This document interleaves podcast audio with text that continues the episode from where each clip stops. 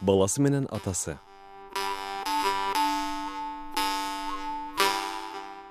Бир кишинин там туң басып тили жаңыдан эле чыгып келаткан баласы атасынан бул эмне? Тигил эмне? деп күнүгө миң жолу сураса да атасы кубанып жетине албай жооп бере берчү экен. Баласы эр жетип чоңоюп өзү да балалуу болот. Атасы болсо карып көзү алысты көрбөй тунарыктап калат. Бир күнү дөңдөө отуруп алысыраакта бир караганды айырып тааный албаган атасы баласынан балам тетиги караган эмне? деп сурайт. Карга деп жооп берет баласы. Аңгыча карга башка жакка учуп конуп жорголоп чуркап кетет. Атасы аны көрүп дагы айырып тааный албай тигил караган эмне балам? деп дагы сурайт. Кара карга деп жооп берет баласы. Карга жөн турмак беле дагы бир жакка жылып кетет атасы ал жактан дагы бир караганды көрүп балам тиги караган эмне? деп сурайт. Ошондо баласынын жиникелип ал сени жута турган кара бале деп жооп берген экен. Ушундан улам ат эне балага түтөт бала ат энеге түтпөйт деген сөз айтылып калыптыр.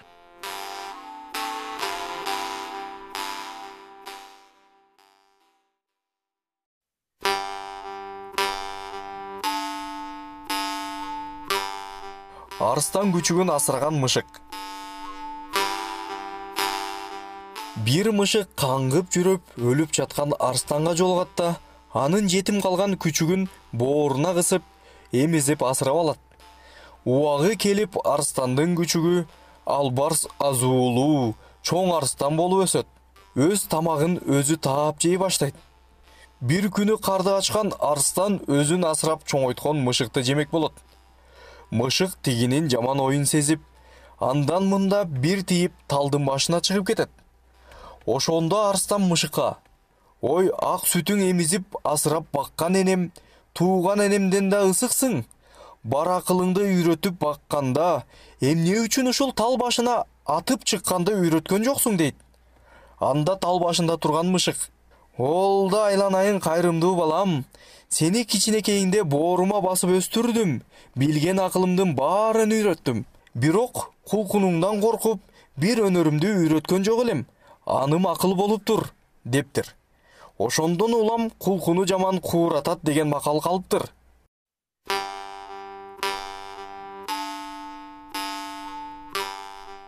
Нан жөнүндө уламыш.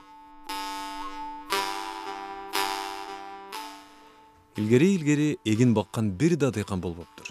Ал кезде адамдар тегирменди да билишпептир. Нан өзүнөн өзү эле бышып бекерге көнгөн балдар нандан топ жасап тепкилеп ойношчу экен. Жедеп чарчашканда нанды чалчык сууга ыргытып жиберишчү дейт. Тентек балдардын бул кылыгы нанды абдан таарынтыптыр күндөрдүн биринде нандын ана башы буудай дан аттуулардын баарын чогултуп мындай кордукка чыдоого болбойт эми. Андан көрө көз көрбөгөн бир жакка кетели дейт. Ызаланган дан аттуунун баары буудайдын пикирин жакташат. Ошентип убада боюнча баардык дандар көк деңизди карай жол тартышат эптеп ага жетишсе эле анын түбүнө бекинип алмак. Андан кийин эсирген балдар эр болсо таап көрүшсүн. Жолду баарынан улуусу арпа баштайт. Калгандары аны ээрчишет. Нанды тебелеп ойногон тентектер ошол кырсыктуу түндө бейкапа укташат. Каадаларынча чак түштө ойгонушуп беттерин жуубастан эле чыгданга чуркашат. Мына кызык бир да нан жок. Бадырак жейли десе дан жок. Апалары да кейип отурушат ошондо бир кары эне дандардын бизден качып кетишине балдар өзүңөр күнөөлүүсүңөр силер аларды кесирленип кордобогондо баары тең мурдагыдай ушул жерде болмок. Эми эр болсоңор нан таап көргүлөчү тезирээк барып акыл чоң атаңардан сурагыла эмне кылыш керектигин жалгыз ошол киши билиши мүмкүн деп балдарга насаат кебин айтат. Акыл чоң атага барчу жол абдан эле татаал эле. Арга канча улам жолуккандан сурап отуруп чоң атаны зорго табышат. Балдардын келген себебин акыл айттырбай эле билет. Тентектерге өтө нааразы экендигин айтат. Ачуусунан буулуккан чоң ата бир окумда мындай дейт. Болор иш болду күнөө өзүңөрдө. Бирок жакшылыктан үмүт үзбөйлү баарыбыздын тагдырыбыз көк төбөттүн колунда уккандарына түшүнбөй балдар бирин бири карашат бирок бири да сөз айта алышпайт. Муну байкаган акыл чоң ата иттин жайын түшүндүрөт көрсө чоң атанын сыйынганы ит тура. Балдар ага көп ишене беришпейт бирок акыл балдарды шылдыңдаган эмес. Болгон чындыкты айткан. Дандын жана андан жасалган нандын баары качкан түнү акыл чоң ата менен көк төбөт гана ойго болчу. Кырсыкты дароо түшүнгөн акыл көк төбөттү ошол замат куугунга жиберет. Көк төбөт качкындардын артынан сая кууйт. Жетип жетпей барат таманын таш телеп куйругуна муз тоңот акыры жетип алдыларынан тосоордо качкындар көк деңизге жетип үлгүрүшөт. Болгону бир ууч гана дан дөбөттүн ырыскысына калат. Эми ошол бир ууч данды көбөйтүү иши турат. Эстүү балдар аны түшүнүштү. Эми мындай дейт акыл чоң ата. Ким эмгек кылбаса ага дан жок. Дан жок болгон соң ага нан да жок болот. Ошондуктан жер айдап жанагы алып калган данды себишибиз керек өстүрүшүбүз керек деди ошол күндөн баштап адамдар дыйканчылыкты кесип кылып эгин айдап суу сугарып калышыптыр. Ун тартып нан жасаганды үйрөнүшүп ал үчүн тегирмен салышыптыр. Нанды кордобогула кесир болот деген сөз да ушундан калыптыр дешет. Жакшылыкка жакшылык ит адамдын жолдошу аны урбагыла деген акыл кеп да ошондон айтылыптыр балдар. Таранчынын үч осуяты таранчы учуп баратып жерде чачылып жаткан буудайды көрөт да терип жейин деген ниетте жерге консо тузакка түшөт. Бошонуп кетем менен ары бери пырпырайт бирок бошонмок тургай тузактын кылы бутуна кайра чырмалат.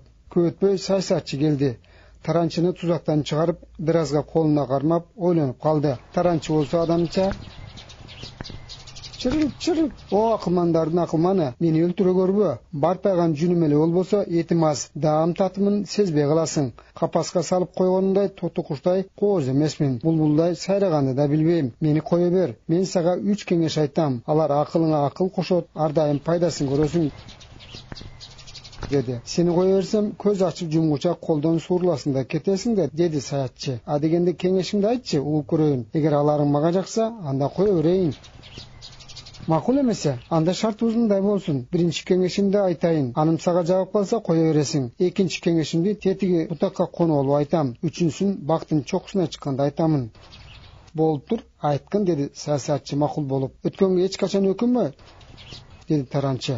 Өткөн ишке кантип өкүнбөй коесуң деп саясатчы ага каршы болду. Андай кезде мен өзүмдү өзүм тилдеп жекирип кирем чырыйт чырыйт анткени өз өмүрүңө зыян деди таранчы дагы чырлыйттап. Антип өкүнгөндөн көрө туура эмес иш жасапмын деп кой. Кийинкисинде ал кемчиликти оңдоп койсо болот. Ишиң ошондо оңолот өкүнгөндөн пайда жок саясатчы ойлонуп туруп мунун айтканы туура эмеспи деди да манжаларын ачып таранчыны кое берди. Таранчы учуп барып дарактын бутагына конуп бир силкинип алды да өз көзүң менен көрмөйүн эч нерсеге ишенбегин чырыт деди муну сенс деле билем деди саятчы ачууланып эмне мындан жакшыраак кеңешиң жокпу таранчы эми дарактын кылда учуна конду да саятчыны шылдыңдап о адам баласы сен азыр эле колуңа чоң байлыкты кармап тургансың. Менин алкымымдын эки жагында ар бир бармактын башындай болгон эки жубар бермет бар. Аларды хан сарайга барганымда жеп алганмын. Мени кое бербегенде өзүңө түгүл кийинки тукумдарыңа да жеткидей байлыгың болмок. Ал берметтер көрсө сага буйруган эмес экен чырыт чырыт деди. Таранчынын бул сөзүн уккан саятчы аны кайра алдап колго түшүрүүнүн амалын ойлойт. Бирок таранчы оңой менен алдата койбос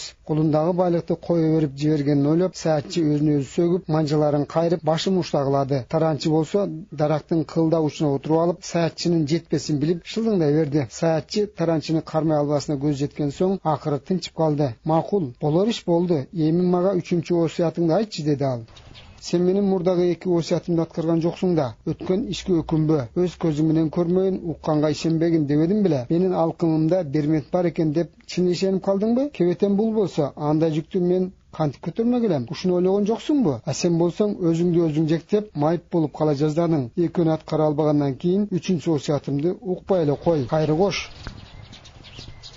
Деди да таранчы учкан бойдон кетти. Саятчы эмне кылаарын билбей отурган жеринде жалдырап кала берди. Жомокту окуган ырысбай абдыраимов